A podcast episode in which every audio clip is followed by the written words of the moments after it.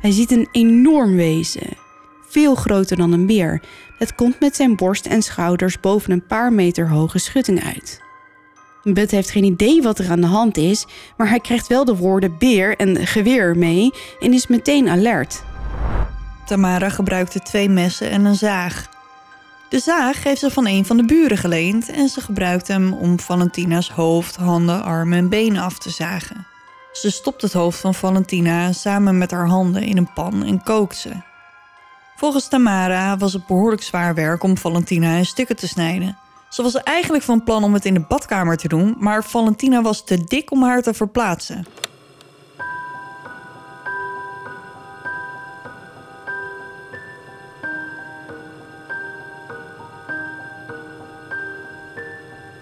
Dit is Duister. Een podcast waarin je wordt meegenomen naar het onbekende, het onbegrijpelijke. Zwarte bladzijden van de geschiedenis komen voorbij. Hier hoor je de verhalen achter moord, doodslag en onverklaarbare gebeurtenissen. We kruipen in de hoofden van een serie moordenaars, heksen, mythische wezens. Luister. En huiver naar duister. Hallo duisteraars, Hallo, welkom bij een nieuwe show. daar zijn we weer. Aflevering 63. Zeker. Hoe is het? Ja, goed. Ik, ehm, Wacht even, ik heb een eh, haar op mijn microfoon. Oh, die gaat dan lekker zo in je neus zitten kriebelen de hele tijd. Ja, ik hij is weg, Oké. Totdat zometeen Emily de volgende er weer aan denk eh, ik. smeert. Nee, hij is weg. Oké. Nee, gaat goed. Ehm, mijn laatste week in mijn oppashuis ingegaan. Dus als jullie dit horen, ben ik alweer thuis. Maar een van de buren wist me een leuk weetje te vertellen over het huis. Oh, Er zit een, eh, namelijk een serre aan het huis. En die serre werd vroeger gebruikt voor de TBC-patiënten. oh. En er lagen dan, er konden er twee in. En ehm, lekker in de frisse lucht, de deuren konden open en eh, lekker warm en zo. Echt, nou ja, precies zoals je dus TBC behandelt. Eh, Ja. Ehm, dus er lagen TBC-patiënten in de serre. Dus het was een soort van mini-sanatorium. Ja, mini. Ja. Hmm. Ja, het spook heeft een vraag. Wat is het toch ook een grapjurk? Het spook zei TBC. Ja, nou, hartstikke leuk. Ja. Bedankt voor je bijdrage. Maar goed. Nee, eh, maar ik, het blijft me toch verbazen dat mensen dus blijkbaar gewoon eh, naar je huisarts gingen. Mhm. En dan daar ook een soort van opgenomen werden of zo. Blijkbaar dus. Ja. Hmm, apart. Ja, en blijkbaar in het huis daarnaast, dat is nu een huis, dat was vroeger een of andere schuur of zo. En daar was dan een soort van de zorgwinkel en daar kon je dan krukken ophalen en eh, dat soort dingen. Oké, oké. Ja, ik ben ook helemaal vrienden met de buren aan het worden en zo. En Hmm. Ja, ik denk dat ze me daar eh ereburger moeten maken in het dorp. Want ik neem het hele dorp over. En ik ken inmiddels heel veel mensen en heel veel mensen kennen mij. Ja, maar ereburger heb je, doe je het been toch pas als je iets belangrijks hebt bijgedragen. Je Dat bent er ook. alleen Ik maar. Ik zorg ervoor dat al die mensen op vakantie kunnen. Ja, oké, maar goed. Ja? Ja, nou ja. nou, en er ja. wonen echt maar zes mensen of zo. Dus het is ook niet heel lastig.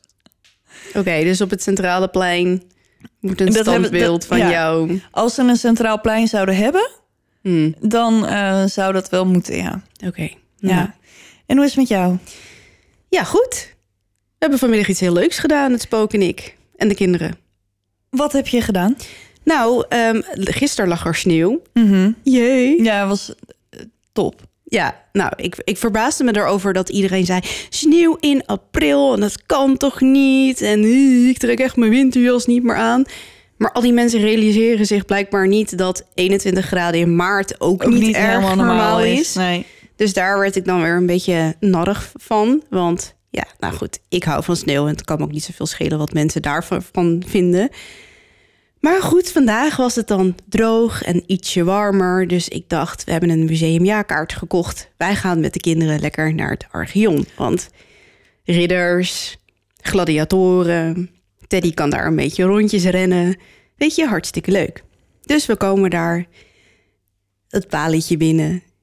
En we zeggen goedemorgen tegen het meisje. En het meisje kijkt op en die zegt... "Huh, Zijn jullie van Duister? Wat?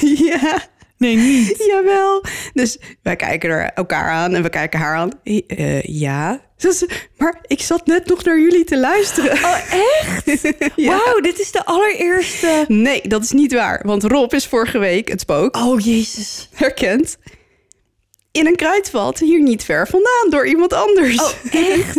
en die zei, hey spook. En die was ook gelijk weg. Dus Rob had echt zoiets van, "Huh, huh, wat, wat, wat, wie? Dus we zijn gewoon twee keer in één week herkend. Door, en, door vorige week was eh, volgens mij Marika uit mijn hoofd. En vandaag door Nora van het Archeon. Nou, Nora, wat leuk. Ja, toch? Ja.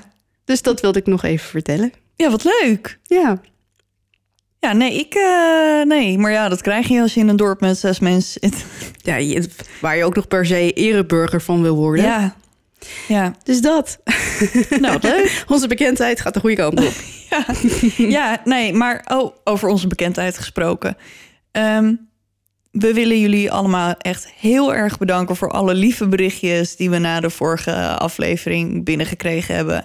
Want we waren natuurlijk een beetje bozig. en Boze vrouwen. boze vrouwen. Nee, we waren helemaal niet boos, maar het is gewoon. Ik was geërgerd. Laat ik het daarop houden. Maar waarom geërgerd dan? Over die review. Ja, nee, ik was niet boos, maar het, eh, we moesten denk ik gewoon even ontladen na twee jaar, denk ik. Ehm, maar ja, echt super veel lieve berichtjes van jullie gehad. En eh, volgens mij ook weer een aantal nieuwe reviews gekregen. Ja, zal ik een positieve voorlezen Ja, in plaats van een leuk. negatieve vandaag? Ja, Ik dacht, ik pak hem daar even bij. En op Spotify gaan de sterren ook eh, goed, zag ik. Goed zo. Wat een leuke podcast is dit. Ik heb de afgelopen maanden alle afleveringen beluisterd. Alleen sla ik wel de hele heftige over als het gaat om gruwelijke mishandelingen en zo. Maar fijn dat jullie daarvoor waarschuwen. Dat doen we inderdaad. Ehm, ook als het gaat om kinderen en zo. Want ja, Dieren, dieren eh, of eh, zelfmoord. nou ja, dat soort dingen. Ja. Want nou, dat kunnen bepaalde triggers zijn. Ehm, nog een andere. Dank voor de uurtje spanning. Fijne stem om naar te luisteren. Goed voorbereid en integer. Ga ze door. Jullie komen er wel. Groetjes van een duisteraar. Nou, top. Daar doen we het echt voor. Daar, maar dat is het ook. Weet je, als ik dan al die berichtjes, ook in de Facebookgroep, alle DM's die we hebben gekregen, dat zijn inderdaad gewoon. En we wisten, we weten dat, weet je, dat alle duisteraars zijn heel erg dol op ons. Ja, en als je zoiets roept in je podcast, dan ga je dat er reacties op komen. Tuurlijk, ja, En maar natuurlijk- het, was, het was niet omdat we heel graag willen hoorden, horen eh, hoe leuk jullie ons vinden, maar meer gewoon dat er dus ook mensen zijn die, het niet zo goed begrijpen. die het allemaal niet zo goed begrijpen. Oké, ehm, ik ga beginnen vandaag. Ja, Eh, zullen we dat gewoon gaan doen? goed plan. Oké.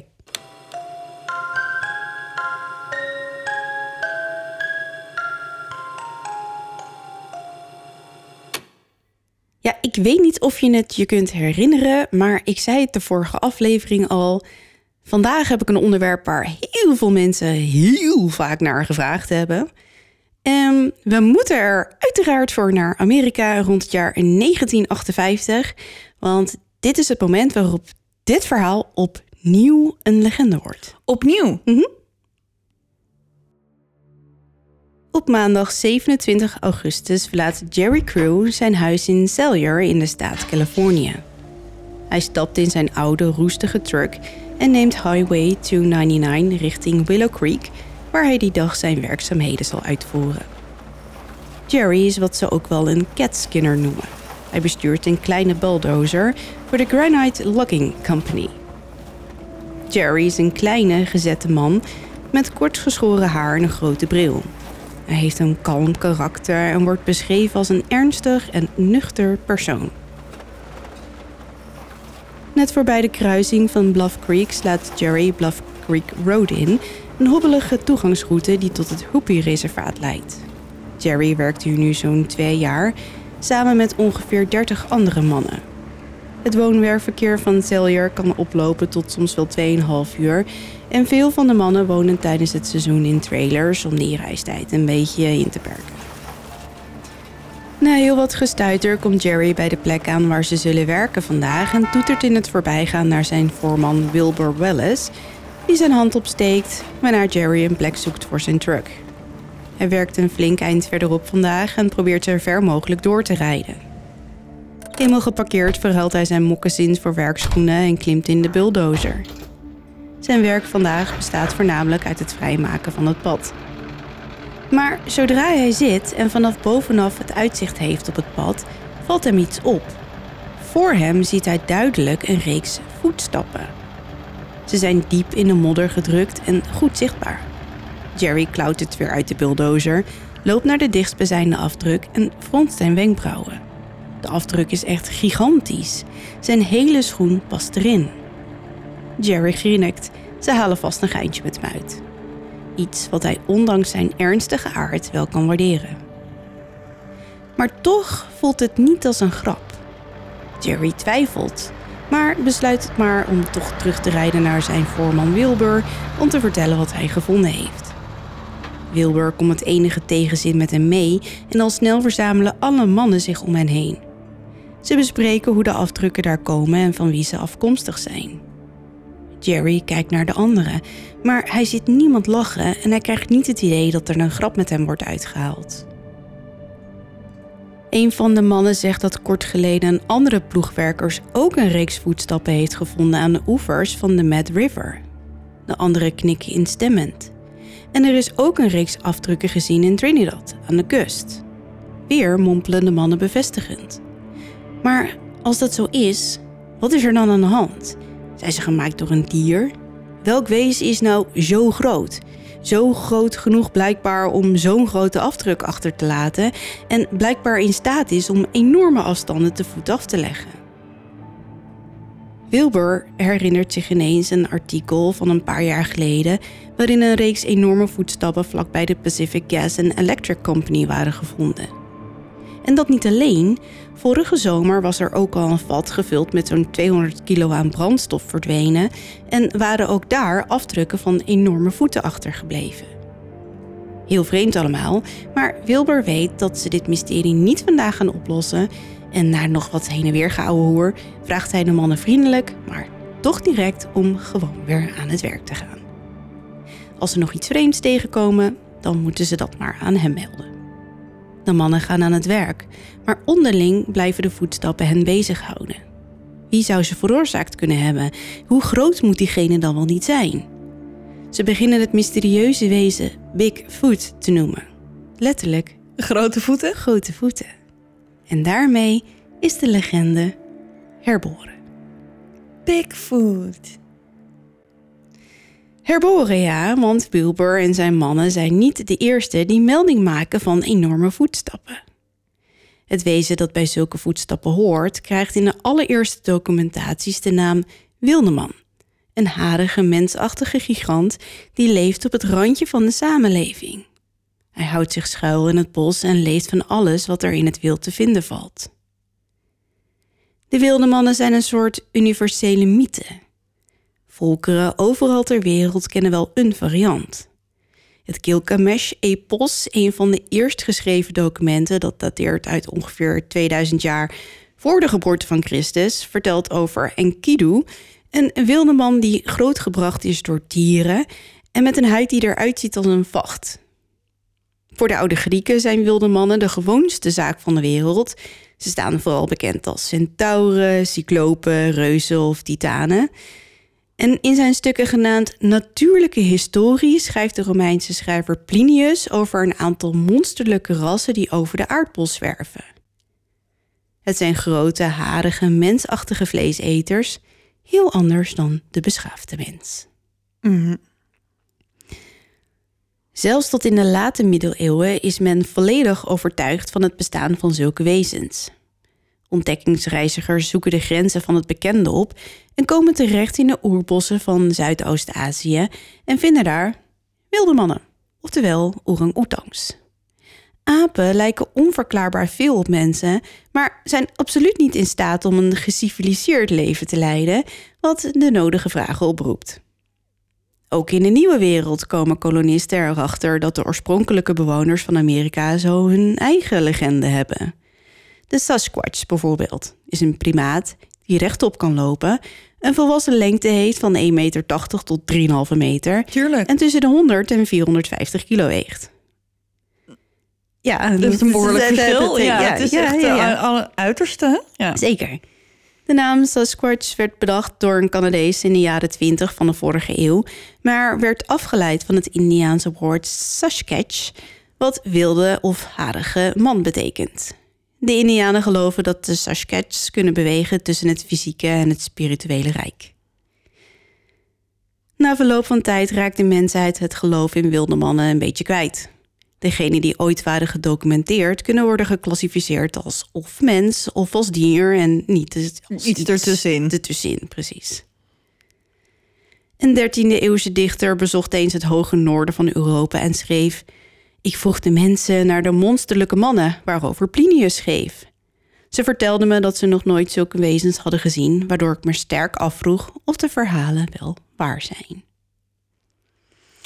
Fysiologen in de Renaissance beweren dat het onmogelijk is dat er ooit een ras van reusachtige mensen heeft bestaan en biedt meer naturalistische verklaringen voor de legende. Opkomende beroepen zoals de geoloog en de evolutionist verdrijven de wilde mannen voorgoed naar het verleden, waardoor ze voortaan als voorouders van de mensheid worden beschouwd in plaats van verwanten. Oké. Maar toch blijven velen, ondanks dat alles, stug geloven. Wilde mannen hebben bestaan, maar nu niet meer. En Sigmund Freud borduurt hier nog even mooi op voort. Deze wezens bestaan nog wel, maar alleen in de menselijke psyche. Uiteraard. Denk daar maar eens even diep over, over na. na.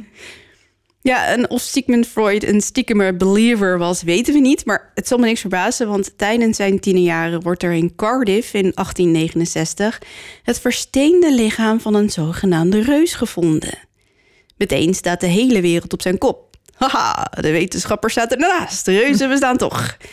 Maar later blijkt het hele verhaal een enorme hoax. Maar het geloof in reuzen en de wilde mannen en Bigfoot, dat lijkt gewoon weer helemaal op. Eind 19e eeuw wordt er voor het eerst een serie voetafdrukken gesignaleerd. En meteen worden er verschillende tentoonstellingen opgetuigd over het bestaan van Bigfoot. En nou ja, A- Aanverwante. precies. ehm, en overal ter wereld ja, duiken nieuwe namen op van varianten. De Australianen komen met de Yowie. In China is er de Yeren. In Indonesië staat dit wezen meer bekend als orang pendek. En uit Nepal komt de... Kom op, Kim. De, ja, ik, ik, de, ik weet het niet. de Yeti. De Yeti natuurlijk. Ja, en deze laatste is al een tijdje enorm populair. Mhm. In Nepal is Yeti, ook wel Yete, een generieke term verwijzend naar verschillende dieren. Eén daarvan is de Dzute, een groot woest wezen, mogelijk een beer. Er zijn ook meldingen van een kleiner aapachtige soort die veel gelijkenis met de mens toont en Telema wordt genoemd, maar soms dus ook om het even extra verwarrend te maken, Yete. En daarnaast is er ook de Mette, de meer klassiekere wilde man, half mens, half beest. Maar waarom Yeti dan Yeti heet en niet Mette, komt waarschijnlijk door ontdekkingsreizigers begin 20e eeuw, die de naam mee terugnemen naar het westen. In 1921 leidde luitenant-kolonel Charles Howard Bury de eerste Britse expeditie naar de berg, de Everest. Hij en zijn groep mannen vertrokken vanuit Tibet en waren van plan om over de bergen naar het zuiden te lopen. Oh, Mhm. ambitieus. Ja, best wel. Want niemand eh, vanuit het Westen had dat ooit gedaan. Gedaan.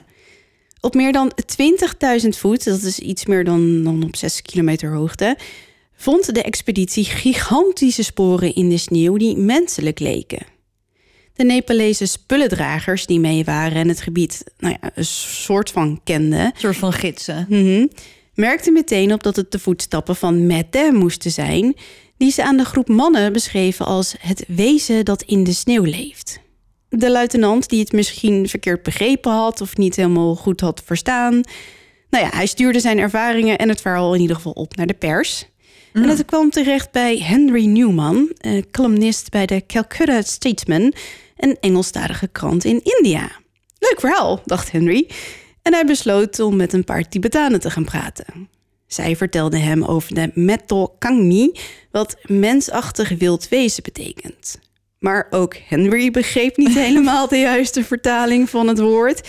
En verwarde meton met het Tibetaanse woord metsch, geloof ik. Het is een beetje Ja, metch, denk ik. Ja. Wat smerig of vies of verschrikkelijk betekent. En dus gaf Henry het wezen de Engelse naam Abominable... Abominable. Dit is dus iets wat ik niet uit mijn strot krijg. Sorry daarvoor. Abominable Snowman. Of in het Nederlands beter bekend als de... Verschrikkelijke sneeuwman. Heel goed, Kim. Het verhaal in de krant veroorzaakte een stormvloed aan reacties. En eerdere Yeti-meldingen werden daarvoor nog maar weinig opgemerkt. En als dat al gebeurde, dan was het maar door een kleine kring van mensen. Dus eigenlijk ging hij viraal. Ja, precies. Ehm, nou ja, hij werd dan wel opgemerkt door lokale bewoners, eh, bergbeklimmers en zoologen. Maar ja, Ja. die dachten ook, ja, het, eh, hm, ja dit is Er- niet... er ja, woont dit- gewoon daar. Een, een, een, ja, nou dat, een Yeti. Goed. Bedankt voor de uitbeeldingen daarbij. Ik zat heel erg met de armen te. Niemand die het ziet. Nee, misschien wordt het tijd voor een webcam. Dan kan je echt lachen. Mm, nee, dan wordt Spook echt heel boos op ons. Waarom? Omdat het twee keer zoveel werk is. Ja, dat is wel waar. Dan doe ik... Nee, dat doe ik niet, want ik heb al geen tijd meer. Nee, dat bedoel ik. Oké, we gaan door.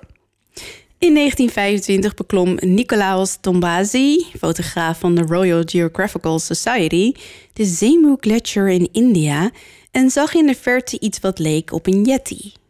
Volgens hem was het wezen vele malen groter dan de mens, liep het op twee benen, had het haar op het gezicht en het was sterk genoeg om kleine struiken in zijn geheel uit de grond te trekken.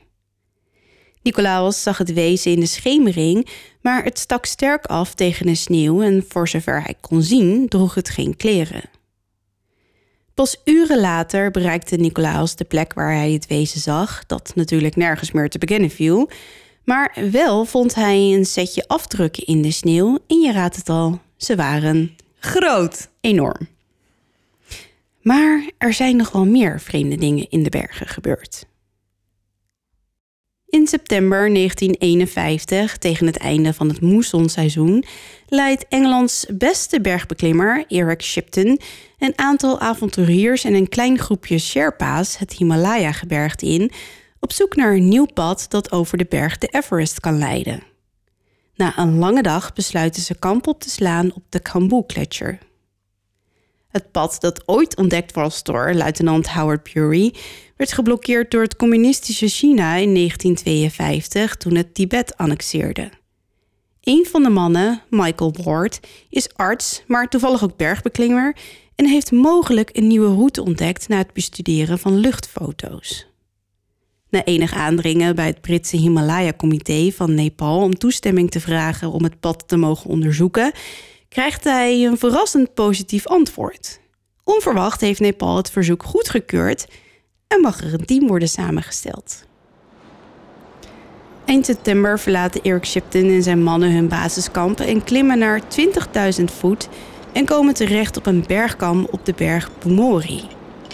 Deze kam lijkt verbonden te zijn met de Everest en naar enige calculaties lijkt het erop dat het als het team de CWM kan bereiken, de rest van de klim een appeltje eitje zal zijn. En nou ja, even voor de duidelijkheid, een CWM, ik weet niet zo goed of ik dit goed zeg. De echte bergbeklimmers onder ons die zullen echt denken, wat zit voor een muts, maar oké.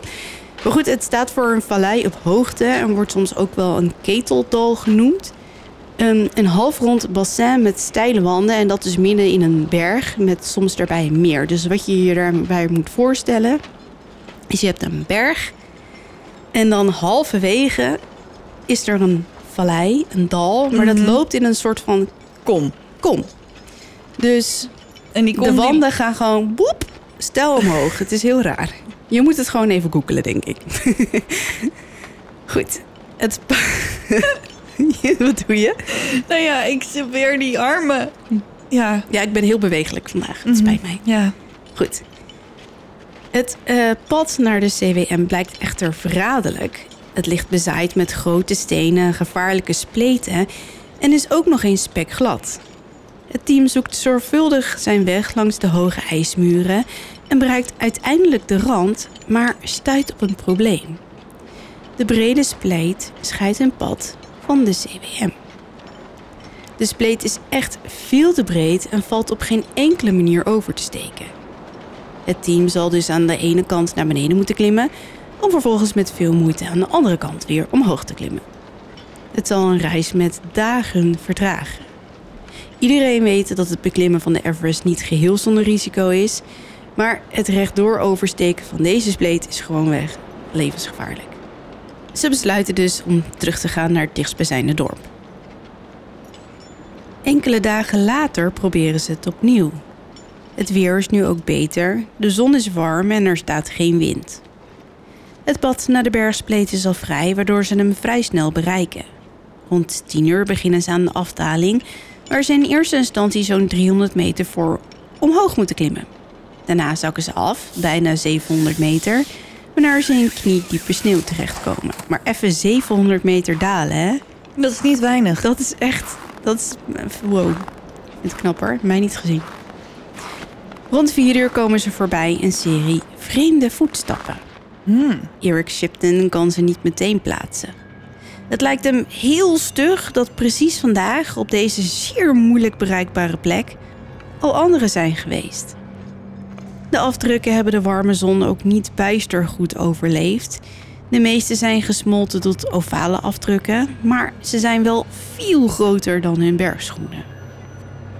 Maar in het ijs onder de sneeuw is wel een goede afdruk achtergebleven.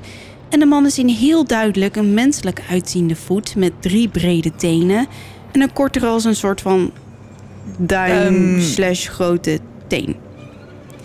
Het spoor laat duidelijk zien hoe het schepsel die ze heeft achtergelaten het gapende gat van de ene berg naar de andere met een paar simpele sprongen heeft overbrugd. Ze volgen het spoor ongeveer anderhalve kilometer tot het plot stopt. Het wordt nu ook snel donker, dus de mannen besluiten hun kamp op te slaan. Snel maken ze wat foto's en houden hun ijspriem naast de afdruk om de schaal aan te tonen. En ze zijn echt heel Heel groot.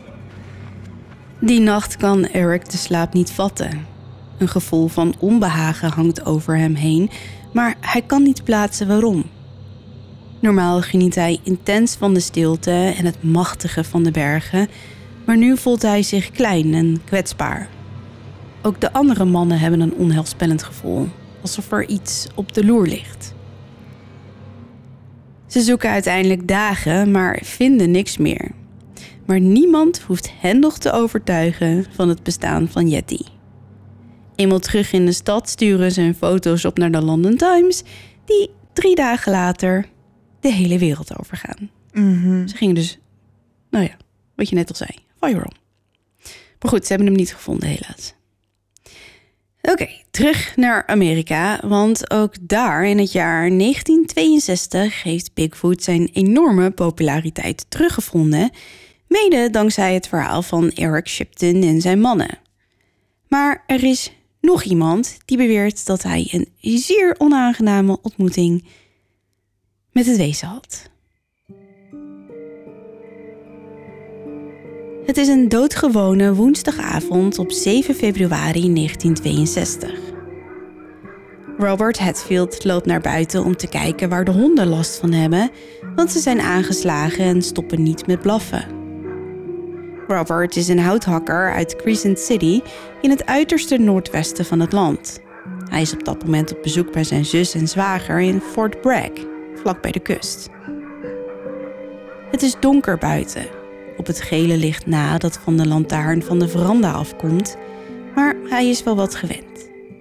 Robert weet dat ze moeten oppassen voor beren in dit gebied en dat de honden maar blijven blaffen baart hem zorgen. Zodra hij de deur uitstapt, krijgt hij echter de schok van zijn leven. Hij ziet een enorm wezen, veel groter dan een beer, bedekt met een vacht en met een plat, haarloos gezicht en perfect ronde ogen. Het komt met zijn borst en schouders boven een paar meter hoge schutting uit. Abrupt draait Robert zich om en gaat het huis weer in en maakt zijn zwager Bud Jenkins wakker. Bud heeft geen idee wat er aan de hand is, maar hij krijgt wel de woorden beer en geweer mee en is meteen alert.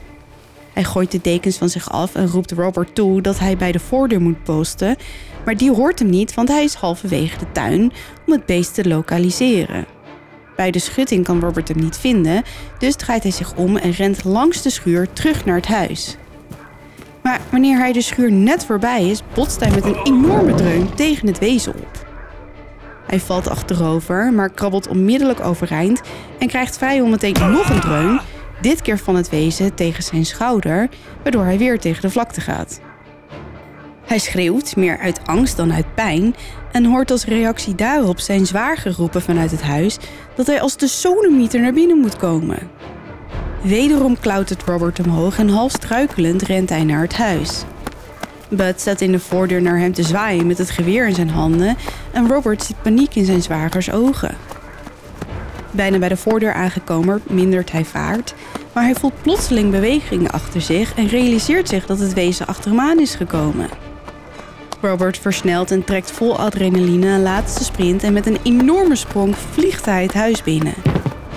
Bud wil de deur achter hem dichtslaan om het wezen buiten te houden, maar die zwiet met dezelfde vaart weer open, omdat het wezen er tegenaan beukt. Bud duwt met alle macht tegen de deur en Robert helpt hem.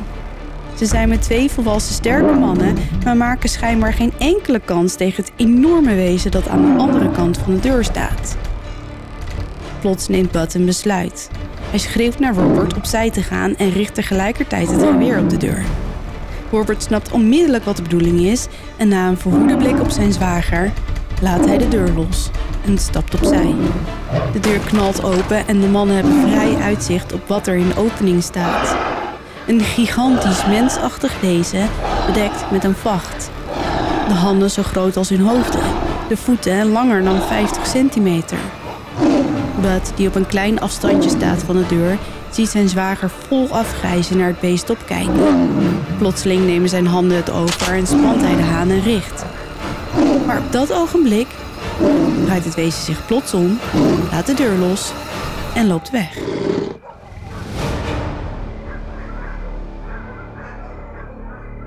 De twee mannen blijven even besluitloos staan, maar rennen dan naar de deuropening en zien het gigantische wezen nog net een aanloopje nemen en over de schutting verdwijnen. Bud belt de sheriff, die na het aanhoren van het verhaal direct hun kant op rijdt. Gelukkig vinden ze al snel tekenen dat het klopt wat ze beweren. Er hangt een ranzige, zware lucht rondom het huis. Ze vinden een bizar grote, modderige handafdruk op de deur en de schutting lijkt beschadigd. Maar de sheriff kan er niet zoveel mee. En uiteindelijk maakt hij toch een rapport op. Het nieuws van wat hen overkomen is bereikt al snel de buren en vroeg in de ochtend wordt er een zoektocht op poten gezet. Sommige mensen geloven het verhaal meteen omdat ze zelf ook al het een en ander ervaren hebben, maar anderen hebben zo hun twijfels.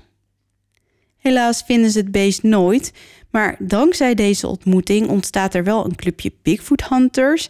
Dat bestaat uit folkloristen en wetenschappers maar hoe dichtbij ze telkens ook lijken te zijn bij het vinden van Bigfoot, wil het maar niet lukken. Totdat. Vertel. Hij, gefilmd wordt. Oeh. Oeh.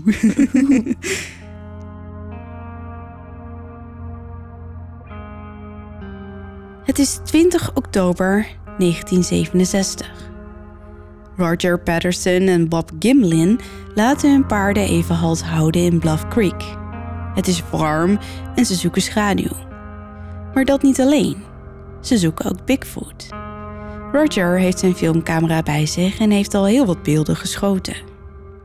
Roger maakt een film over Bigfoot in zijn geboorteplaats Yakima in Washington. Bob, die van Apache afkomst is, speelt een rolletje in de film, maar gelooft totaal niet in het wezen. De twee praten veel over Bigfoot, maar het is Roger die echt naar hem op zoek is. En dus zijn ze samen naar Californië gereisd om de sporen te onderzoeken die laatst weer gevonden zijn. Overdag rijden ze op hun paarden door de canyons, weg van de bulldozers en de houthakkers die aan het werk zijn. En s'nachts rijden ze langzaam in Bob's pick-up langs verlaten wegen op zoek naar sporen. Op vrijdagochtend trekken ze er weer op uit en besluiten naar Bluff Creek te rijden. Ze zijn er nog nooit geweest en er werden daar uiteindelijk al eerder sporen gevonden door Jerry Crew.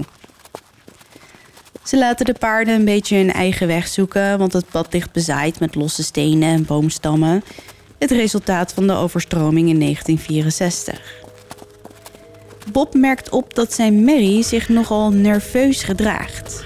Ze wil telkens rechtsomkeerd maken en blijft maar snuiven en briesen, tekenen dat ze zich niet helemaal op haar gemak voelt. Ook Rogers Mary wordt door haar aangestoken en blijft maar wat in het rond dartelen. De mannen zijn wel wat gewend en proberen de paarden rustig verder te laten lopen, maar plots stijgert de merrie van Bob. Door de onverwachte manoeuvre is hij zijn evenwicht even kwijt en draait hij met zijn lichaam naar links. En dan ziet hij het. Het wezen. Het bestaat. Ho, roept hij verbaasd. Ze bestaan toch. Het hoofd van het wezen is als dat van een man, hoewel aanzienlijk schuiner en met een groot voorhoofd en brede neusgaten. De armen hangen bijna tot aan de knieën en het lichaam is bedekt met een licht zwarte vacht, behalve rond het gezicht. En nu zien ze het. Het is niet mannelijk, het is vrouwelijk. De mannen zien grote hangende borsten en niks tussen de benen. Roger, een vrij korte maar sterk vent, middenvelder op de middelbare school, bokser in het Amerikaanse leger en zo nu en dan rodeo-rijder, zwiept zijn benen over zijn zadel, landt met zijn hakken in het zand en trekt tegelijkertijd de camera uit zijn tas. Al filmend rent hij op het wezen af zonder na te denken over de eventuele consequenties. Bob gromt wat, trekt zijn zadeltas open, pakt zijn jachtgeweer, stapt rustig van zijn paard, richt en wacht af wat er gaat gebeuren. Het wezen begint weg te lopen, maar draait zich om alsof ze wil weten waar alle tumult vandaan komt. Ze lijkt niet bang of geschrokken. Het is alsof de twee mannen haar totaal niet deren. Roger rent achter haar aan, maar ze is veel sneller en na een paar flinke sprongen verdwijnt ze tussen de bomen. Bob verzamelt de paarden terwijl Roger terugloopt en de film verwisselt. Gelukkig hebben ze gips mee, waardoor ze een afgietsel van de sporen kunnen maken. Dat is wel slim. Ja, tuurlijk, ze zijn voorbereid. Daarna rijden ze terug naar de stad en sturen de film gelijk op naar Washington, waar Rogers zwager hem zal laten ontwikkelen en bellen ze de lokale krant. En daarna is het hek natuurlijk van de dam. Er is wel honderd keer geprobeerd om de beelden van Roger en Bob als vals aan te tonen, maar gek genoeg lukt dat telkens niet. Zelf houden de twee hun leven lang vol dat wat ze meemaakten echt waar was en dat er niet met de film geknoeid is. Nou, ik heb hem natuurlijk gezien. Het lijkt ook wel heel echt als je er naar kijkt. Dus ik gooi de link online. Kijk zelf maar. Ik heb een documentaire gezien van een, weet ik veel, een, wat, wat was, was die man? Bioloog, zooloog, uh, zeeman, uh, cryptoloog. En hij zei, dat vond ik wel interessant, dat de manier waarop de voet wordt neergezet, Ja. dus eerst met de, de, hoe heet het hier? De, De bal van je voet? ja, en daarna de hak, dat het zo'n vloeiende beweging is dat het bijna niet nep kan zijn. En als het niet nep kan zijn, dan is het dus echt. En dan bestaat Bigfoot. Maar ja, dat is toch ook wel weer een beetje lastig te geloven. Dus Ja, ik denk dat, hij, ik denk dat ik wel snap wat hij zegt. Want als, je, als dit een man of een vrouw in een pak geweest was... dat zijn natuurlijk voorgevormde voeten. mhm. Dus dat slaat gewoon in één klap, zeg maar, op de grond. Ja. Als je dat, want het loopt natuurlijk hartstikke lastig. Dus je Ja. moet... dat klopt. Dat is precies eh, wat hij ook zei. Zo slim. Ja, eh, tot slot. De laatste 30 jaar zijn er verschillende opnames gemaakt waarvan gezegd wordt dat ze authentiek zijn en beelden van Bigfoot bevatten. Een paar. In het meest noordelijke deel van Californië liggen de Marble Mountains, een dicht bebost gebied waar het gefluister van Bigfoot net zo alledaag is als de bomen. In een afgelegen gebied ten noorden van Mount Shasta was een christelijke jeugdgroep op een backpackreis. Toen ze voor de nacht hun kamp wilden maken, struikelden ze over iets wat een schuilplaats leek te zijn. Een schuilplaats van iets heel erg groots. Ah. Het was gemaakt van gescheurde en geknakte bomen. Wat natuurlijk vrij ongewoon is, want een boom scheur je niet even af en dan knak je hem ook Nee. niet zomaar in tweeën. Nee, tenzij je een bever bent, dan knaag je ze door midden. Ja, maar heb jij wel eens een bever een boom zien knakken? Ik niet. Goed. Nou ja, kilometers verwijderd van de dichtstbijzijnde weg zag de groep een vreemd figuur in de verte over een bergkam lopen. Het leek langer dan een gemiddelde man met lange bungelende armen tot aan de knieën en het leek bedekt te zijn met een vacht. De zon stond laag aan de horizon en wierp de gestalte in een silhouet, maar het was duidelijk dat het wezen extreem nou ja, opgewonden was dat die groep in zijn schuilplaats was beland. Ja, De video werd gemaakt, wat wil je zeggen? geagiteerd, Nou ja, dacht ik misschien. ik heb zelf op, opgeschreven excited, maar ja, dat is natuurlijk weer Engels. Dus oh ja, ik maakte er zelf ja. opgewonden van. ja. Maar dat klopt natuurlijk ook wel. Maar goed, de video werd gemaakt door jeugdleider van de Campus Live, Jim Mills. En na de reis werd er een team van onderzoekers bijgehaald om de schuilplaats te onderzoeken. Best snugger, want dan heb je tenminste iets om eh, daadwerkelijk te onderzoeken, ja. als je het mij vraagt. Eh, na zorgvuldig eh, de video en de omgeving te hebben bekeken, schatten de onderzoekers de grootte van het wezen op ongeveer 2 meter met een gewicht van bijna 300 kilo. Dat is niet weinig. Nee, de beelden bleven onontdekt tot de recente dood van Jim Mills. In de zomer van 2011, tien jaar nadat ze waren opgenomen, kwamen ze weer boven water. Naar verluid hebben de onderzoekers van het Animal Planet netwerk de tape bekeken en het gebied onderzocht waar het incident plaatsvond. Eh, maar wat de conclusies daarvan waren, nou ja, dat kon ik niet zo makkelijk vinden. Maar goed, wil je de opname zien? Dat kan, want dit staat gewoon op YouTube. En zoek dan naar de Marble Mountain video. Oké. Oké, de volgende. Op 10 juni 1982 zag Paul Freeman naar verluid een Bigfoot in de buurt van Walla Walla in Washington.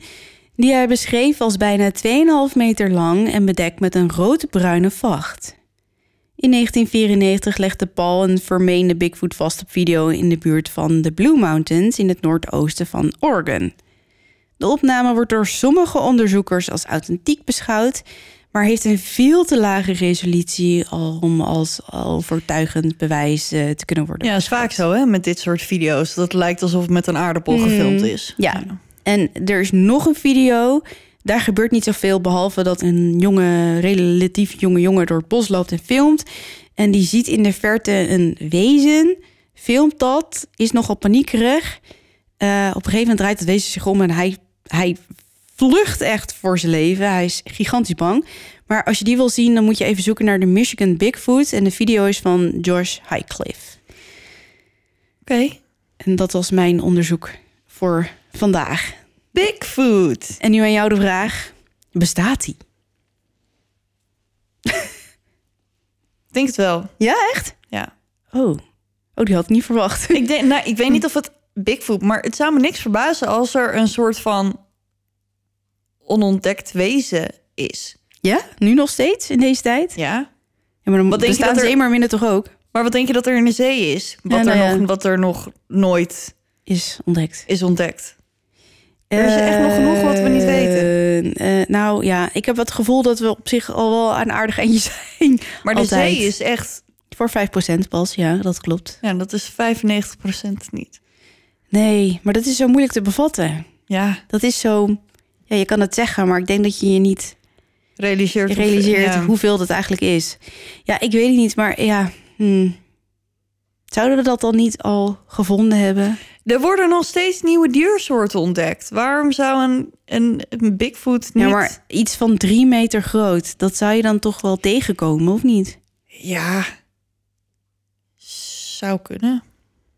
Ja, ik, toen ik dit eh, onderzoek deed, moest ik de hele tijd wel een beetje lachen om al die ervaringen van die mensen. Dat ik denk, ja, die, die mensen die, waarbij die in de voordeur stond, dat je denkt, eh, je- ik weet het niet hoor, dat is, ja, oké. Ja.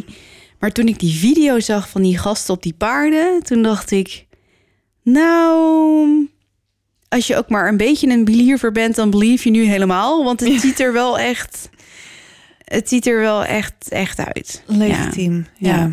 Wil je ze anders even zien? Ik heb ze, dan kun je even je Ja, oordeel ja. vellen. Ja, ja, is goed. Ik ga kijken. Oké, ben benieuwd. Je ziet eerst beelden van die mannen op de paarden en zo. En dan in één keer veel beweging, ingezoomd, Ja. uitgezoomd en dan hup, is hij daar ineens. Oh, dat is deze. Ja, Ja, die ken ik. Ja. Ja, het lijkt, het lijkt, ja, het lijkt wel echt. ik kan dit fragment wel even tippen op de socials, want dat is ook dat stuk waarin die wetenschapper het heeft over de vorm van de voet en zo. Oh ja. Dus wel interessant. Volgens mij is het een, eh, een documentaire uit mijn hoofd. Zo, mijn stem staat erbij. Van eh, National Geographic uit mijn hoofd. Nou, maakt niet uit. Ik zorg wel even dat het online komt en dat je het kunt zien. Ja, ik eh, sloeg tegen mijn microfoon, sorry. Uh, maakt niet uit, ik hoorde het niet. Maar goed, het, eh, Bigfoot dus. Oké, was leuk. Goed zo. Ja, Ik hoop dat jullie het allemaal leuk vonden. En dat het alle verwachtingen heeft waargemaakt. waargemaakt. Ja. Nou, ik heb natuurlijk ook echt een superleuk verhaal. Superleuk. Zoals altijd. Oh, oh, wacht. Dat klinkt meestal niet heel goed uit jouw mond. Nee, ik, eh, ik zal je verrassen. Oh, nou, zullen we dan maar beginnen? Ja.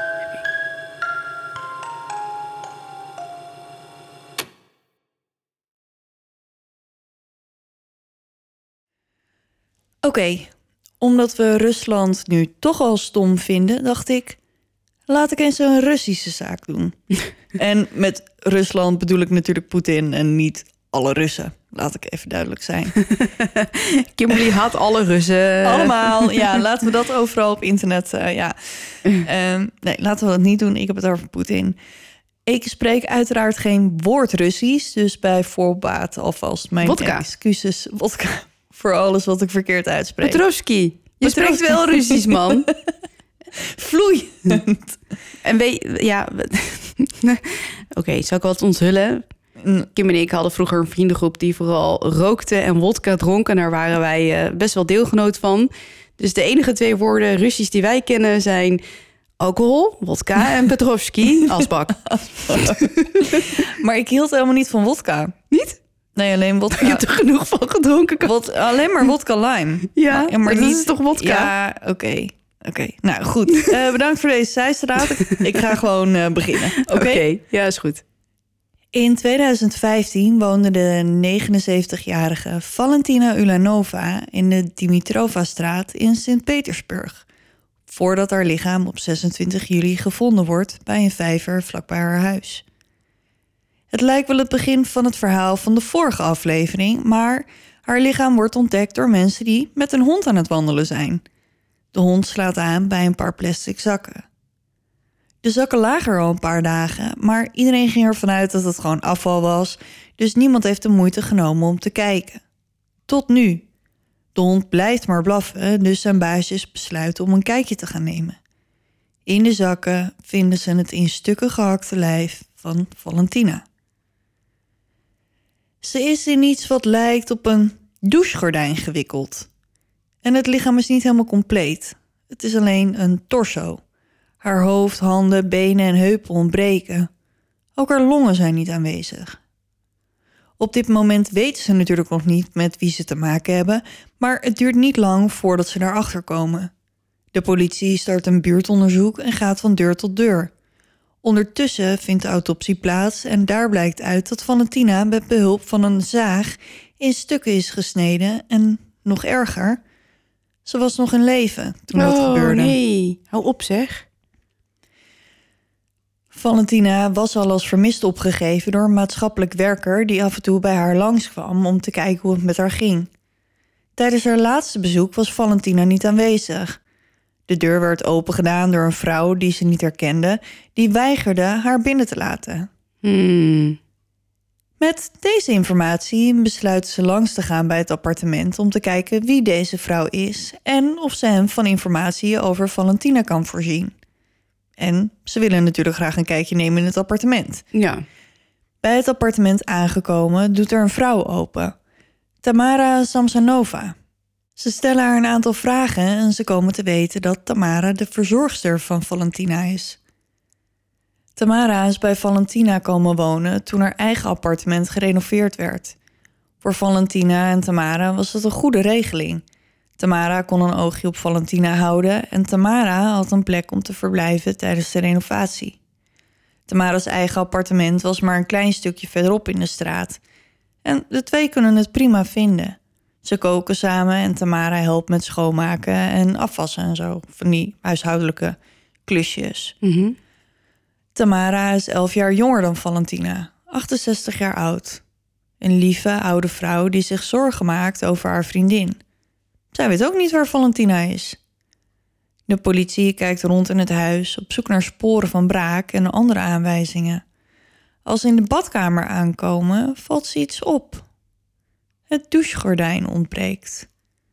Er hangt wel een roede en er hangen ook nog haakjes, maar het gordijn is nergens te bekennen. Dat is nog niet alles. Ze vinden ook bloed in de badkamer. Op dit moment richten ze hun focus op Tamara, de lieve oude dame die een kamer verderop zit. Niemand kan zich voorstellen dat ze iets met de dood van Valentina te maken heeft, maar ze woont nou eenmaal met haar samen en het bloed in de badkamer kan nooit veel goeds betekenen. De politie gaat in de buurt met speurhonden op zoek naar de rest van Valentina en niet ver bij haar huis vandaan vinden ze haar benen en heupen. Het appartementencomplex heeft camera's hangen en als ze de beelden bekijken zien ze Tamara in het trappenhuis de trap op en af gaan met zware vuilniszakken, een paar dagen voordat het lichaam van Valentina werd gevonden. De zakken lijken zwaar te zijn en eentje is er zelfs zo zwaar dat Tamara hem over de grond moet slepen en de zak laat een spoor achter. Als ze naar de plek gaan, vinden ze inderdaad een bloedspoor op de plek waar Tamara de zak over de grond heeft gesleept. Ze is ook te zien terwijl ze met een pan met een deksel erop de deur uitloopt. Oké, dit is er weer zo één hoor. Mm, ja. God, oh god, oh god. Op 29 juli wordt Tamara ondervraagd in de rechtbank van Franzai. En daar vertelt ze dat ze een actrice is en gestudeerd heeft bij het Russisch Ballet. Een hele prestigieuze school waar bijna niemand werd toegelaten. Maar zij wel. Oh. Daarna zegt ze dat dat verhaal me niet waar is, Oh. maar dat ze eigenlijk bij een hotel werkte. Hmm. Haar verhalen bleven de hele tijd veranderen. Ze ondergaat een psychiatrisch onderzoek en daaruit komt naar voren dat ze een gevaar is voor zichzelf en de samenleving. En ze wordt in een psychiatrisch ziekenhuis geplaatst tot de rechtszaak plaatsvindt. Maar het is dus meteen voor iedereen duidelijk dat ze het was. Ja, ze is nu wel, ehm, ze wordt nu in ieder geval vastgehouden. Oké. Maar voordat ze naar, die, eh, naar dat psychiatrisch ziekenhuis gaat, ehm, maken ze nog even van de gelegenheid gebruik om haar te ondervragen. Want ze hebben namelijk genoeg bewijs om haar nog even vast te houden. En Tamara heeft er geen probleem mee om met ze te praten. Volgens Tamara woonde ze een tijdje bij Valentina. En zoals ik al eerder zei, de regeling kwam Tamara goed uit. Alles gaat bergafwaarts als Valentina Tamara vraagt om terug te gaan naar haar eigen huis. Ze wil haar niet meer in haar appartement hebben. Ze krijgen kleine ruzies over de vuile vaat en dat soort dingen. En Valentina wil Tamara niet meer om zich heen hebben. Volgens Tamara was ze bang om terug te gaan naar haar eigen huis. En ik kon niet echt een reden vinden waarom ze dan bang zou zijn. Ehm, misschien omdat ze niet meer in haar eentje wilde wonen. Misschien omdat ze bang was voor iemand. Ik heb geen idee. Ze wilde in ieder geval niet meer... gewoon onder geen beding terug naar haar eigen huis. Hmm. Raar. Ja. Nadat Valentina voor de zoveelste keer aangeeft dat Tamara nu echt moet vertrekken, bedenkt Tamara een plan. Ze gaat naar een apotheek in Pushkin en daar haalt ze de apotheker over om haar medicijnen te verkopen die eigenlijk niet zonder recept verkrijgbaar zijn. De apotheker geeft toe en Tamara loopt de deur uit met 50 pillen Venazepam. Venazepam is volgens een medische website een type benzodiazepine of slaapverwekkend psychoactief medicijn en wordt gebruikt voor de behandeling van verschillende neurologische aandoeningen, waaronder epilepsie, slapeloosheid en alcoholontwenning. Volgens een andere website doet het het volgende. Het is een kalmerend middel. Het verlicht spanning en angstklachten en maakt de gebruiker kalm en relaxed. Het kan zorgen voor het verlies van coördinatie, duizeligheid en slaperigheid. Een grote dosis kan de gebruiker vergeetachtig maken en hem in slaap brengen. En de kans bestaat dat de gebruiker in coma raakt. Oh, dat is niet zo mooi. Nee, en dat is dan wel weer echt overmatig eh, gebruik. Dus Ja, ja. overdoosachtig. Nu het eerste gedeelte van haar plan voltooid is, gaat Tamara verder met de rest van haar plan. Ze haalt Valentina's favoriete salade, een Olivier salade. En toen ik dit las, dacht ik: Olivier, Olivier in Rusland. Hoe spreek ik dat nou uit? Maar, Olivier. maar, maar, maar. De salade is in 1860 bedacht door Lucien Olivier, een Belgische chef bij de Russische Hermitage. Oh, Dus ik denk dat Olivier dan. Het kan nog steeds Olivier zijn, maar ik- ik neig naar Olivier. Oké. Nou, prima joh. Moderne Olivier-salades bestaan vaak uit gekookte aardappel, wortel, augurken, erwten, eieren, selderij, uien, gekookte kip of ham en zure appels. De dressing bestaat uit zout, peper, mosterd en mayonaise. Hoe vroeger de salade gemaakt werd, is altijd een groot geheim gebleven. Vooral de dressing, maar de salade zelf bestond waarschijnlijk uit korhoen, kalfstong, caviar, sla, rivierkreeft, kappertjes en gerookte eend. Sorry voor de zijstraat, jongens, maar ik vind koken en eten gewoon heel leuk. Dus ik vond dit wel een leuk weetje. Mm. Maar terug naar Tamara en haar snode plan.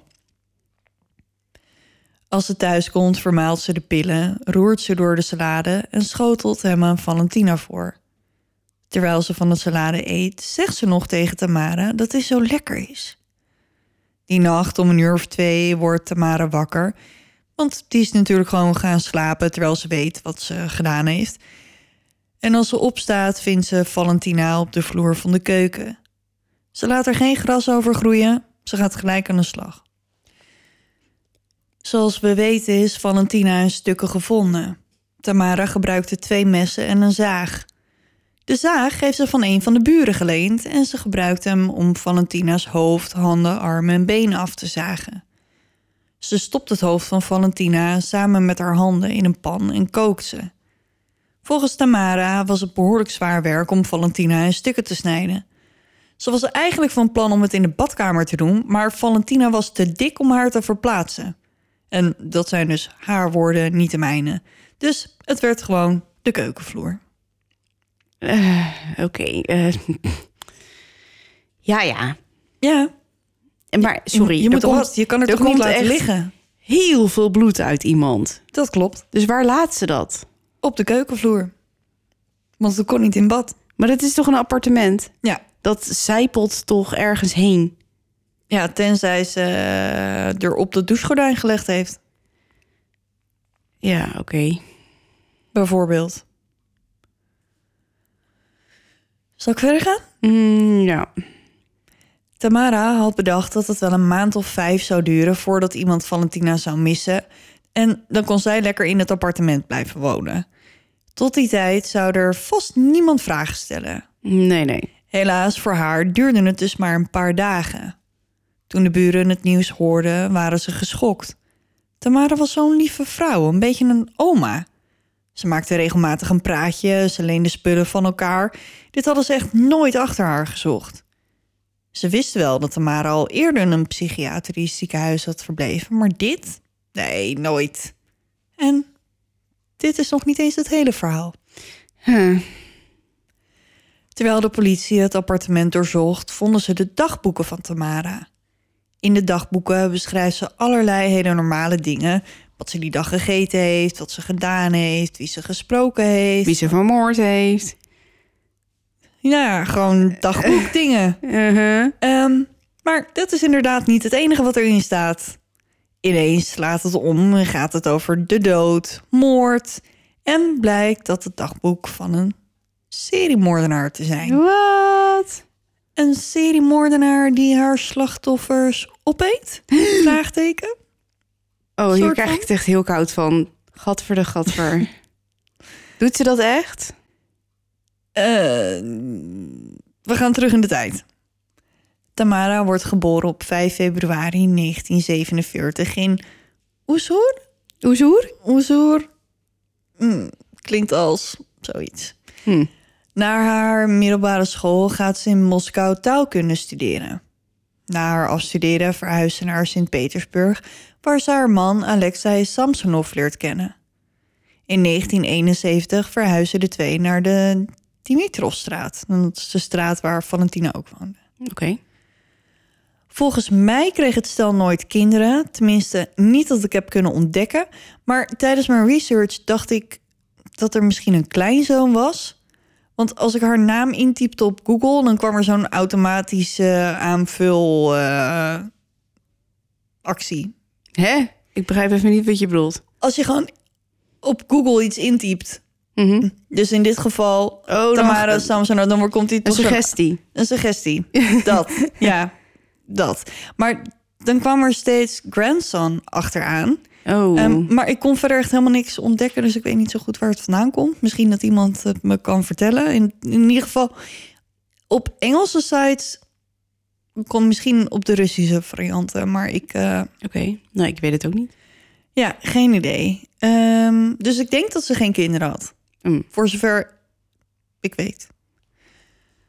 Tamara had verschillende banen, waaronder bij een reisbureau en een hotel. Zij en Alexa leidden een rustig leven. Mm, Zover iedereen kon zien, waren ze erg gelukkig samen. In 2000 verdwijnt Alexei. Tamara geeft hem op als vermist en zegt tegen de politie dat hij is weggelopen met een andere vrouw. De politie stelt een onderzoek in, maar al snel ontdekken ze dat Alexei spoorloos verdwenen is en ze geen enkele aanwijzing hebben om mee te werken. Het duurt niet lang voordat de zaak op de plank gelegd wordt en in de vergetelheid raakt. Omdat Tamara het nu zonder het inkomen van Alexei moet doen, besluit ze om een kamer in haar huis te verhuren. Ondertussen verdient ze nog wat extra geld door voor oudere mensen in de buurt te zorgen. Het viel de buren op dat haar huurders nooit lang bleven. Ze waren er meestal maar kort en verdwenen met de noorderzon zonder gedag te zeggen. Ze dachten dat Tamara misschien vreselijk was om mee samen te leven en dat al haar huurders daarom zo snel weer vertrokken. Waarom zouden ze anders zo snel weer weg zijn? Ze ging alleen niet weg. Of tenminste, niet. Vrijwillig? Eh. nou, vertel het maar dan. In 2003 verdwijnt Sergei Potanin, een huurder van Tamara. In haar dagboek valt te lezen dat ze hem vermoord heeft. Ze heeft hem in de badkamer in stukken gesneden en zijn overblijfselen in plastic zakken op straat gedumpt. Zijn lichaam werd gevonden, maar omdat er stukken ontbraken, konden ze hem niet identificeren. Zonder hoofd- en vingerafdrukken wordt dat natuurlijk nogal lastig. Het enige wat er opvallend was aan zijn lichaam was een tattoo. Bij zijn lichaam werden bladzijden uit een boek gevonden, maar ook dat hielp ze niet. Sergei was twaalf jaar lang een John Doe, totdat ze in Tamara's dagboek lezen over haar vermoorde huurder. Ze beschrijft de tattoo van deze man, die overeenkomt met de tattoo van John Doe. Na twaalf jaar heeft hij eindelijk zijn naam terug. Maar er zijn er meer. Alexander Barishev verdween na een week al. Na haar arrestatie bekent Tamara hem vermoord te hebben. Dat neemt ze later terug en zegt dat ze een grapje maakte. Oh, grapje. Ja, dat is een goede grap, man. 1 april. Ja. In totaal komen er in haar dagboek elf namen voor... die voor zover ik weet niet bekend zijn gemaakt. Ehm, er is één man die het heeft overleefd... en dat is Tamara's allereerste huurder. Zijn naam is Vladimir en hij had een soort van relatie met Tamara. Dus meer romantisch dan huurder-verhuurder. Na een tijdje was de liefde van Vladimir's kant wel over... en hij zet een punt achter de relatie. Tamara en hij kregen ruzie en niet veel later wordt hij wakker in het ziekenhuis waar hij is opgenomen met vergiftigingsverschijnselen. Hmm, dat is in Rusland wel een ding, hè? ja, wat? Ja, Ja, nee, ja, oké. Ik, Ja. ik bedoel, maar bepa- bepaalde tegenstanders van Poetin en zo, weet je wel. ja. Maar ook dat ze allemaal voorproevers en zo hebben. En, eh, Ja, ja, ja. dat land is echt weird. Ja. Echt, maar ook, maar ook echt gewoon... Zal ik gewoon vertellen over Tamara die echt ook heel weird is? Ja, nee, doe maar niet. Denk, ik denk, Ik- Oké jongens, nou, dit was het. We stoppen ermee voor Ja, vanavond. We zullen nooit meer. weten wat er met Tamara gebeurt. Nou ja, ik denk dat ze levenslang wordt opgesloten of eh, wordt ze zelf ook opgegeten. Nee. nee. Nou, Maar goed, eh, Vladimir met zijn vergiftigingsverschijnselen. En hij weet natuurlijk precies wie dit gedaan heeft. Het kan er maar één zijn. Tamara. Hij neemt niet eens de moeite om de confrontatie met haar aan te gaan. Hij maakt gewoon gelijk dat hij wegkomt, zodat hij nooit meer iets met haar te maken hoeft te hebben. Voor zover we weten heeft ze al haar slachtoffers eerst iets van medicatie gegeven om ze te laten slapen of te verdoven, net zoals bij Valentina, waarna ze ze in stukken hakte en door de stad verspreidde. Uit de dagboeken kunnen we opmaken dat Tamara haar slachtoffers misschien opat: het hoofd, handen en de longen. Later komt er een medium naar voren die zegt dat Tamara de longen eet omdat ze zelf slechte longen heeft, in de hoop zo haar eigen longen sterker te maken. maar wacht even, hè? Ja, Ze stopt die mensen vol met medicatie mhm. en dan eet ze ze vervolgens op. ja, Maar dan zit ze toch zelf ook met die troep in haar... Ja. ehm, maar dat is natuurlijk wel een kleinere hoeveelheid, denk ik. Eh, jawel, maar... Ja, weet ze kookt ze eerst. Ja, ja. Dus dan kook je zeker de medicatie ik eruit. veel. Ik zeg ook maar wat. maar dat, is, dat zit toch in het bloed? En als er geen bloed meer in zit, dan heb je ook minder medicatie? Ik heb geen idee, maar het lijkt me niet heel... eh, Ik weet het niet. Jongens, vertel het ons. Want zometeen, eh dit eh, weet ik niet. Oké. Hm. Ja. Dus, terwijl Tamara wordt vastgehouden in de psychiatrische instelling, komen er journalisten bij haar op bezoek die haar wilden spreken. Waarom deze mensen bij haar mogen is me een raadsel, maar oké. Tamara vindt het heerlijk, al die aandacht. Ze geeft ze handkusjes en ze wil graag met ze praten. Het lijkt alsof ze ervan geniet. Aan de andere kant zegt ze dat ze wist dat ze zouden komen en dat het een schande is dat nu de hele stad zal weten wat ze heeft gedaan. De pers geeft haar de naam Granny Ripper of Baba Yaga. Nu moet ik even een klein stapje in jouw straatje zetten, Daf, Ja, om uit te leggen waarom ze Baba Yaga genoemd wordt. geinig. In Slavische folklore is Baba Yaga een bovennatuurlijk wezen die verschijnt als een misvormde en of woest uitziende oude vrouw. In de verhalen vliegt Baba Yaga rond in een vijzel, zwaait met een stamper en woont diep in het bos in een hut die gewoonlijk op kippenpoten staat, zodat hij kan ronddraaien en dansen. Haar tuinhek is gemaakt van menselijke beneren met schedels erbovenop. Het sleutelgat van haar voordeur is een mond met scherpe tanden. In een legende zorgt een toverspreuk ervoor dat het huis stil blijft staan en de deur onthult. Keer je rug naar het bos, je voorkant naar mij. Baba Yaga kan degene die haar ontmoeten of haar opzoeken helpen of hinderen. Alles Wikipedia. De politie neemt Tamara mee naar het appartement zodat ze een reconstructie kunnen maken van de moord. Ze vragen Tamara te laten zien hoe ze te werk is gegaan en dan vooral Valentina's moord. Ze geven haar een mes en laten haar op een dummy demonstreren hoe ze Valentina van het leven beroofde door haar hoofd af te snijden. Het hoofd van Valentina is nooit gevonden, net zoals haar handen. Die hebben waarschijnlijk in de pan gezeten die Tamara mee naar buiten nam, zoals te zien was op de beelden van de bewakingscamera. Sommigen denken dat Tamara alles gekookt heeft om het op te eten. Anderen denken dat ze de handen en het hoofd verwijderd heeft en apart heeft weggegooid om identificatie moeilijker te maken. De kans bestaat dat ze de pan in een prullenbak gegooid heeft die vervolgens geleegd is. Dat zou betekenen dat ze op de vuilnisbel terecht zijn gekomen en waarschijnlijk nooit meer zullen worden gevonden. Nee, die kans lijkt me niet heel groot, nee. Nee. Later, als ze voor de rechter staat, wordt haar gevraagd of er iets is wat ze wil zeggen. Dat wil ze wel. En wat denk je dat ze zegt? Smaakte lekker? Het is hier benauwd. Mag ik gaan? Jezus, Mina. Ja. Verder voegt ze toe dat ze zich al tientallen jaren op dit moment heeft voorbereid. Ze heeft het allemaal met opzet gedaan. Met deze moord heb ik een hoofdstuk afgesloten. Als de rechter aan haar vraagt of ze denkt dat ze gearresteerd moet worden, want dat is waarom ze daar zijn, zegt ze: Ik ben schuldig en ik verdien het om gestraft te worden.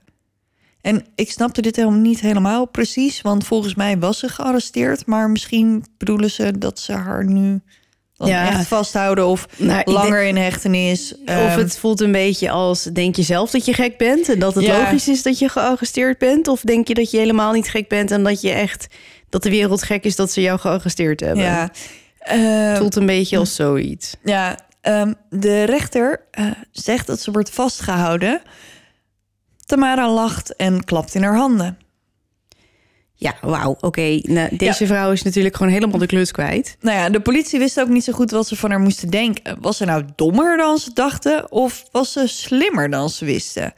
En was er misschien magie in het spel? Wat? nee.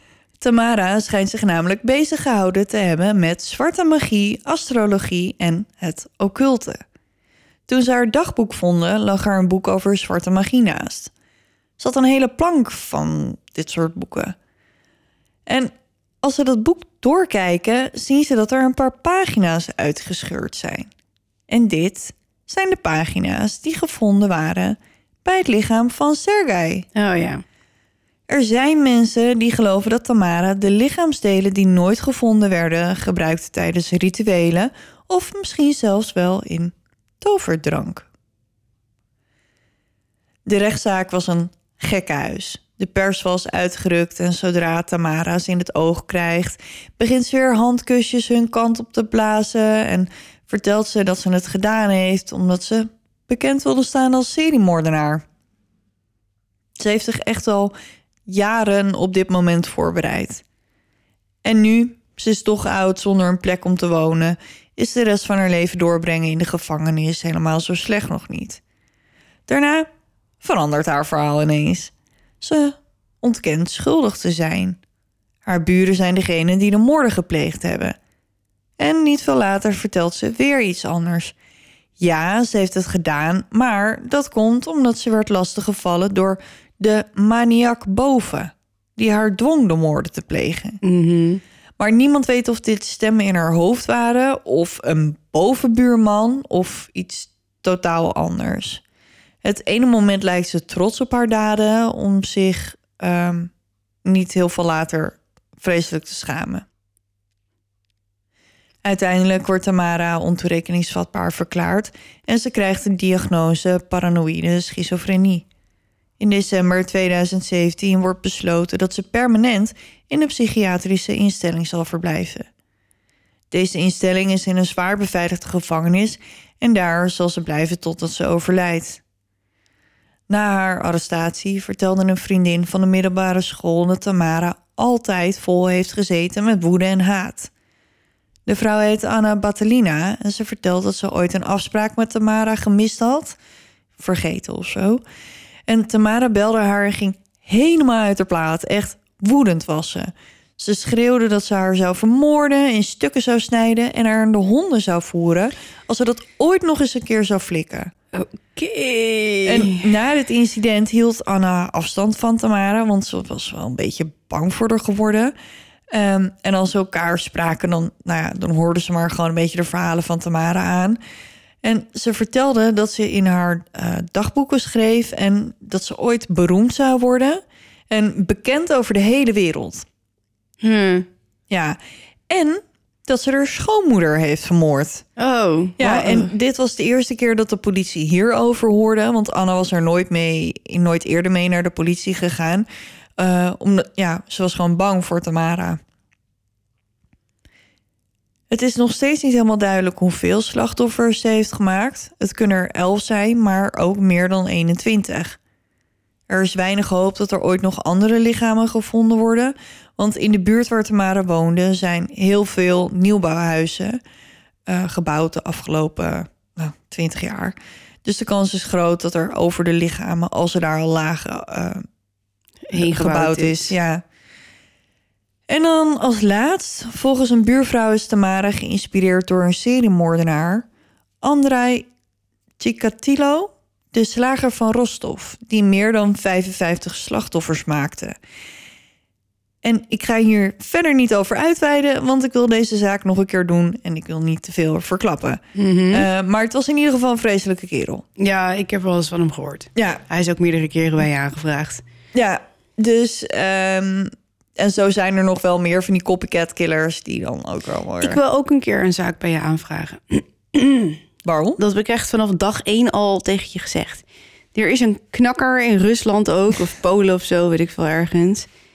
Die eh dametjes opgroef en die vervolgens zelfs poppen in zijn appartement hield. oh, kijk, ik zal je dus iets vertellen. Ja? Ik ging dus beginnen eh, met zoeken en ik dacht, ik ga een Russische zaak doen. Deze man waar jij het over hebt, is inderdaad Russisch.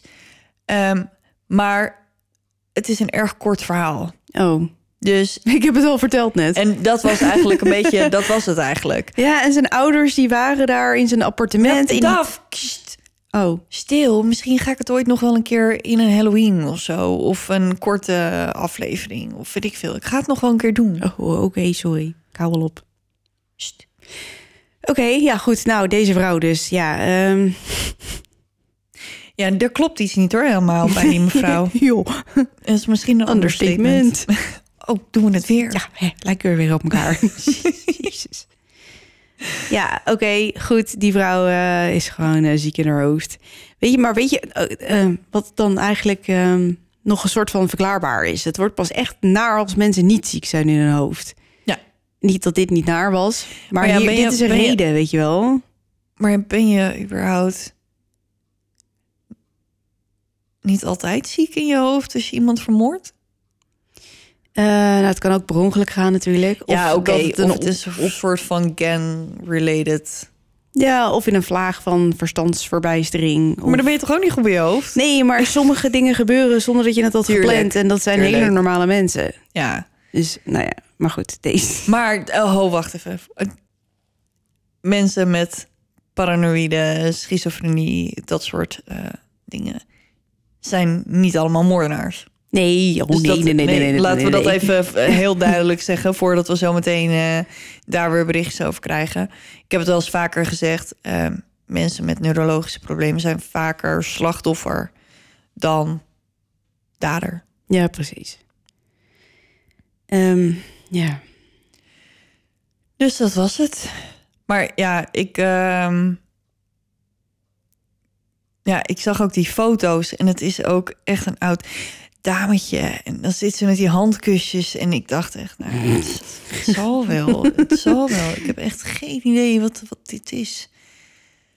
En, eh, maar nou las ik echt op heel veel dingen ja. En de buren vonden er zo aardig. Maar er waren dus ook buren die dus echt een hekel aan haar hadden. Dus ik wist het niet zo goed. Maar het overgrote deel zei dat ze heel aardig was. Maar misschien was het gewoon wel een heks de hele tijd al. Maar het is ook lastig, omdat het vaak dan... Je onderzoek is dan vanuit het Russisch naar het Engels vertaald. En dan wordt het... Weet je, dan moet je het zelf nog overzetten in het Nederlands. Ja, dus het is ook misschien een beetje... Babylonische spraakverwarring? Nou ja, zoiets. Of ja, ik weet niet of het allemaal zo accuraat is als dat het normaal zou zijn. Nogmaals, ik spreek geen Russisch. Niet. Jawel. Ja. Oh ja, ja, wodka. En Petrovski. Oké, nou. ehm, Hij zit er weer op. Ja, zeker weten. Ja. Wil je nog even de socials doen? Ik. Ja, doe jij het eens een keer. Ah, oké. Onverwacht. nou ja, je vindt ons eh, online natuurlijk op Instagram. We hebben een Facebookpagina met een bijbehorende Facebookgroep, de Duisterclub. Daar kun je allemaal tips lezen over andere podcasts en boeken en Films en Films. series en enge filmpjes. Oh, over films gesproken en series. Ehm, er staat er een op Netflix, die is al wat ouder, uit 2017. Wij hebben hem al gezien. Eh Taboe. Dat is wel eentje, als je naar ons luistert, misschien in je straatje valt. Ehm, gaat over Oost-Indische compagnie en allemaal rare dingen en hekserij en zo. Nu jij zegt de Oost-Indische Compagnie, Ja, mag ik even inbreken? zeker. Als jij de duisteraar bent die mij laatst gemaild heeft of ons over de Amsterdam Dungeons, Ja, ik heb je teruggemaild. Die is waarschijnlijk in je spam beland. Dus mail nog een keer. of check je spamfolder. Ja, maar die is misschien al geleegd. Maar Oh. in ieder geval, ik heb je teruggemaild. Hm. Dus no en daarop aansluitend. Ik probeer echt zoveel mogelijk mensen terug te mailen. Maar heel vaak stelt iemand een vraag en dan reageer ik dan op en hoor ik nooit meer iets. Dus ik heb het idee dat ik bij heel veel mensen in een spamfolder beland. Dus kijk daarin alsjeblieft als je me gemaild hebt. Oké, nou, goede tip, goede Ja. tip. En met Ehm, mij bedoel ik natuurlijk ons, maar ik handel vaak de mailtjes af. Ja, en met mij bedoelt ze Kim, voor degene die ons niet uit elkaar halen. Ja, Goed, nou, ehm, je kunt tweeten met het spook ja. op Is hij nog Duisterpot. druk met zijn? Weet ik niet, spook. Hoe is het met jouw affaire? Oh, ik krijg de groeten van affaire. Is het nou een man of een vrouw? Weet ik niet. Ik lees het nooit. Ik ook niet. Eh, ik heb geen idee waar dit over gaat. Al drie keer niet. Maar goed. je kunt ons eh, invulformulier formulier, eh, invullen, formulieren. En dan kun je met ons in contact komen. Yay! Of je kunt ons spotten in het wild. Dat oh ja, dat leuk. kan ook nog. Ja. Ja. En dat was oh, het over wel. spotten gesproken. Ik vraag me dus af, zijn er mensen met merch die andere mensen met merch zijn tegengekomen? en dat je dan zegt, hey, ben jij duisteraar? Ja, ik ben ook een duisteraar. En dat je dan elkaar in het wild spot? Ja, leuk. Want ik loop namelijk altijd... Maar met, mensen mogen best wel een beetje, een beetje promoten of zo hoor. Met die dingen, met die tasjes en zo. Ik denk dat ze dat ook doen. Ik doe het ook altijd. Maar er is nooit iemand die tegen mij zegt... als ik met mijn tasje over straat loop... hey, ben jij van Duister? Of luister je naar Duister? Nee. Mm, nee, ik eigenlijk ook niet hoor. Maar ja, de mensen op mijn werk die vinden het wel een beetje. eh, Die kijken dan zo van, "Oh, wat heb je daar? En dan denk ik, dit is mijn podcast. Je hebt hier een podcast. Oh, ja. eh, nou, dat. Nee, maar echt, ik ben echt heel benieuwd of je, dat weet ik veel, ooit een keer in de trein hebt gezeten en dat er iemand in een duisteraar t-shirt zat en dat jij dan zo met je tasje op schoot zit. Of zo, bijvoorbeeld.